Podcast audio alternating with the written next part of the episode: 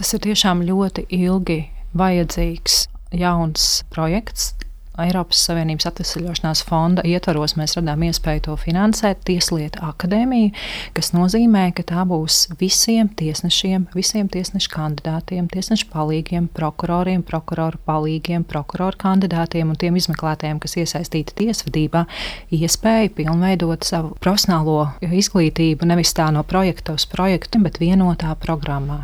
Latvijā tas tiešām ir iztrūcis, ja tiesnešiem ir bijuši kādi kursi pilnveidoties, tad prokuroriem tāda nav nav bijuši vispār. Tas ir tiešām visas sabiedrības vajadzībām, lai tiesas spētu daudz labāk funkcionēt. Jā, un šo no akadēmiju atklāsiet ar diskusiju sabiedrības uzticēšanās tiesu varai, tiesnešu un prokuroru kompetences, sabiedrības gaidas un vajadzības. Nu, pirmais par kompetenci. Redzat, šobrīd tur problēmas, un arī palaikam dzirdam, ka ir vienoti eksāmeni, kurus nokārto vien, ja nemaldos, šogad ceturtā daļa nokārtoja šo eksāmenu. Tas laikam rāda, ka ir kaut kādas problēmas. Nu, Vispirmām kārtām jurista izglītība arī dzen, ir jāredz kā mūža izglītība, īpaši attiecībā uz tiesnesi. Viņam ir jāpilnveidojas visu laiku, prokuroram ir jāpilnveidojas visu laiku, mums kā valstī ir jādod iespēja to darīt. Es mazliet nošķirtu šo tieslietu akadēmiju, kas ir tāds jau jurista, kvalificēta jurista pilnveidas process no jurista vienotā eksāmena. Parādi, Bet tas ir saistīti, jā, ka tieši juridiskajai izglītībai uh, ir pienācis tas laiks, ka mēs tiešām tai pievēršamies. Ja mēs visi saprotam, ka katra individu un sabiedrības vajadzības ir labi izglītots un profesionāls ārsts, kurš nepieļauj nekādu kļūdu, pat ne mazāko, tad tas pats attiecas arī uz juristu, tiesnesi, prokuroru. Un tieši šis vienotais jurista eksāmenis, kur kā mēs arī publiski redzam jaunākās ziņas, ka ļoti daudz kandidātu nenokārto, tas arī nozīmē, ka augstskolām ir jāpilnveido savu studiju procesu, un arī dzen, mēs domājam par to, ka tam būs pakārtot arī akreditācija. Tas ir tāds nākotnes darbs, ko mēs kā Tieslietu ministrija darīsim. Bet šī Tieslietu akadēmija tā jau būvē jau esoši juristu Tos, izglītību. Kas jau strādā. Jo par tiesnesi un prokuroru var kļūt tikai tāds, kas ir nokārtojis juristu kvalifikācijas eksāmenu. Arī šobrīd mēs esam izstrādājuši to sistēmu, ja iepriekš tā nebija. Iepriekš uh, jurista diplomu varēja iegūt tik viens, uh, varbūt pat arī viens ar, viens bez kaut kādām plašākām zināšanām, jo augstskolām bija ļoti dažāda kvalitāte un ļoti dažādi arī šie mērīšanas veidi. Tad šobrīd mēs esam tomēr izveidojuši vienu ļoti nu, tādu augstas kvalitātes sietu. Un šodien arī atklājot šo Tieslietu akadēmijas projektu, nu, tā diskusijas otra daļa ir par uzticēšanos. Nu, pirmkārt, tas noteikti iet kopā ar kompetences jautājumu. Ja netic tai kompetencijai, tad arī nav tā uzticēšanās. Nu, bet, piemēram, satversmes tiesas lēmumu par šīm viena dzimuma personām atzītās par ģimeni, nu, tas tur sacēlās vētra, tur bija liela neusticība par to, cik atbilstošs lēmums. Nu, tas ir viens no piemēriem, bet tas parāda, ka tomēr laikam daļai sabiedrības nav tā uzticība. Es to sasaistītu arī ar šo tieslietu akadēmiju tādējādi, ka, ja sabiedrība ir pārliecināta, ka visi tiesneši, viņu kvalifikācija, viņu profesionalitāte ir tāda, ka es varu uzticēties tiesas spriedumam. Tad arī šī pārsūdzība, lai gan mēs redzam, ka tā nevienmēr norāda, ka tiesas spriedumi tiek atcelti, norāda arī to, ka sabiedrība īpaši neuzticas. Viņa vēlas pārsūdzēt katru spriedumu. Savukārt, satversmes tiesas spriedumiem aptaujas rāda, ka sabiedrības uzticības līmenis ir augstāks, un tas arī tāds kā novērtējums tieši satversmes tiesai, par ko es arī vēlos izteikt atzinību. Un uz to arī tiecamies visā tiesu sistēmā, bet arī no gada uz gadu šīs uzticības līmenis tiesām tik tiešām aug. Tas attiecībā uz tieši šo vienu konkrēto spriedumu likumdevējs šobrīd uh, ir pārkāpis atversmi, dalot tās ģimenes, kur ir noslēgta laulība, no tām ģimenēm, kur nav noslēgta laulība. Tas ir neizdarītais mājas darbs, lai pilnībā šo spriedumu iedzīvinātu. Tik tiešām tad arī uh, vēl būs nepieciešama virkne likumprojektu, pie kā mēs šobrīd Tieslietu ministrijā strādājam. Es uh, tik līdz būšu saņēmusi šos likumprojektus no ierēģiem, arī tos likšu priekšā sadarbības partneriem, kuri jau noslēdzot koalīcijas līgumu arī tagad rīcības plānu plānā ir norādījuši, ka mēs varam atrast veidu, kā ar dažādiem likumprojektiem, likumprojektu pakotni nodrošināt, ka vienā maisaimniecībā dzīvojošas personas saņem šo vienādo aizsardzību. Šeit mēs runājam par viena dzimuma, divu dzimumu pāriem, kas veido ģimenes. Tas ir bijis politiskais apsolījums, un tiklīdz šie likumprojekti būs tādā gatavībā, lai mēs tos varētu jau tālāk iesniegt likumdošanas procesā, mēs to darīsim. Tad tas varētu sakārtot arī to jautājumu par dzīves biedru likumu. Tas nebūs viens likums, jo politiski šobrīd vienošanās, nu, jāteic, tas ir kompromiss, kompromiss, kam es arī kā ministri piekrītu, jo politikā ir jāspēj politiski darīt to, ko var izdarīt. Tie būs vairāki likumi, tā būs likuma pakotne.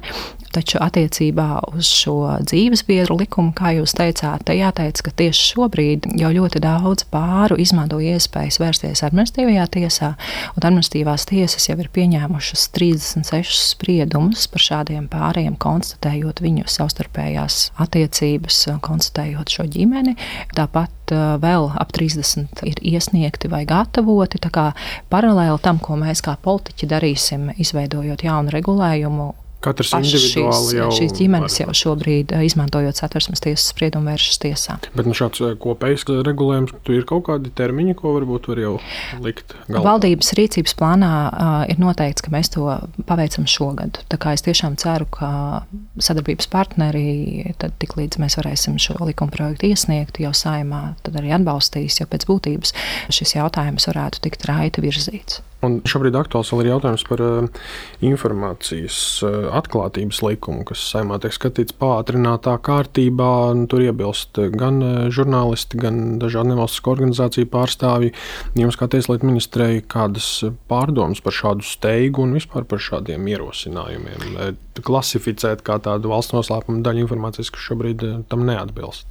Nu, jāteic, ka pats jautājums par to, ka mm, dienesta vajadzības, kā, kā viens no ierobežotas pieejamības pieejamības veidiem būtu jāietver arī valsts noslēpuma regulējumā, ir jau nu, vairāku gadu garumā šī diskusija bijusi. Līdz ar to tā steiga nav šā jautājuma aktualizēšanā. Varbūt tas pārsteigums bija, ka saima to virzīja tieši īsi pirms sesijas pārtraukuma, un tāpēc arī varbūt tāda lielāka nesagatavotība tieši publiskajā telpā to apspriest. Bet priekšlikuma iesniegšanas termiņš, manuprāt, tagad ir bijis vairāk kā nedēļu. Priekšlikumi tiks vērtēti pēc tam nākamajā nedēļā saimai sanākot atklātā sēdē. Es domāju, ka varbūt arī šo pārpratumu tādējādi būs labi novērst. Tieslietu ministrija, sadarbojoties ar saimnes juridisko biroju, arī cen vērtē šo likumprojektu, ko tie varētu uzlabot. Tā kā pēc būtības es domāju, ka varbūt tiešām tas lielākais pārpratums bija iepriekšējā nesagatavošanās un neziņa. Bet mēdīju darba ierobežošana, līdz ar to kaut kāda veida arī sabiedrības apdraudējums, tāda riska nebūs. Nu, pēc būtības dienesta vajadzības jau ir bijušas nu, ļoti skaidri noteiktas kā tādas, kas ir ziņas, kuras būtu jāaizsargā. Un, protams, ka izmantot jebkādu no šiem ierobežojumiem informācijas atklātībā nedrīkstētu ne ar vienu noteiktu aizsardzību. Tā kā pēc būtības apiet likumu nedrīkstētu. Ir svarīgi konkrētu informāciju, tā skaitā ar valsts drošību saistītu informāciju aizsargāt, un, ja to dara pareizi, atbilstoši tam mērķim, tad tas ir labi. Protams, žurnālistam ir jābūt drošam, ka šis dienesta vajadzības netiek izmantots pretēji tam mērķim, un ir jāatrod veids, kā to noskaidrot, ja šādi pārkāpumi būtu. Jā, un vēl viens nu, ļoti liels un ilgstoši neatrisināts jautājums ir Stambulas konvencijas eh, sakarā. Mēs nu, esam viena no nu, jau retajām valstīm, kas to nav ratificējusi kad gaidāms rezultāts un kāds?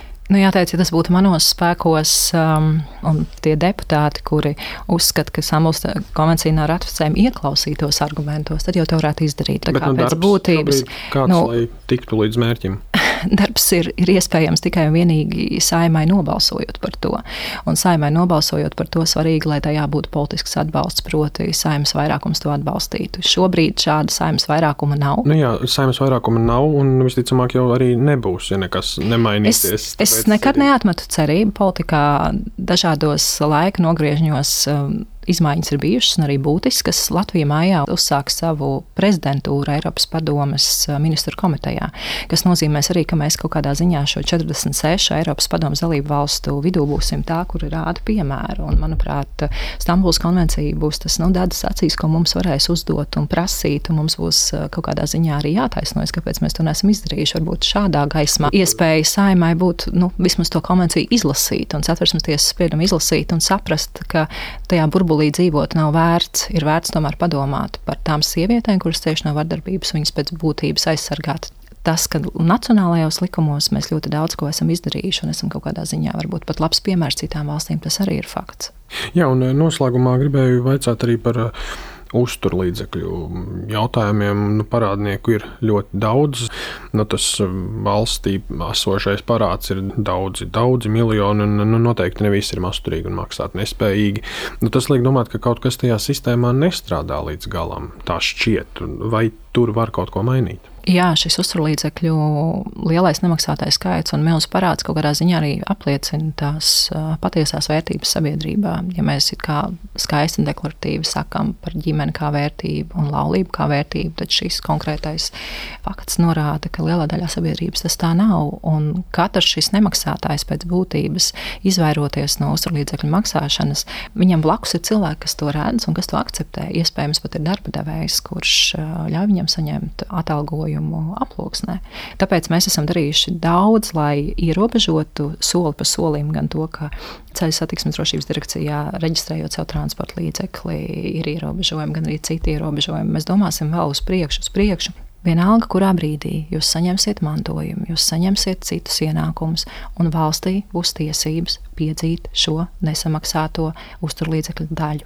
Jo ātrāk uzturlīdzekļu nemaksātājs sāks pildīt savu pienākumu, jo mēs kā sabiedrība būsim veselāki un bērniem būs palīdzēts, un plus arī valsts varbūt arī to birokrātisko slogu caur tiesu izpildītājiem visu laiku skriečiem cilvēkiem pakaļ arī atslogot. Šis parāds nekad nebeigsies, tam nav noilguma. Paldies par sarunu!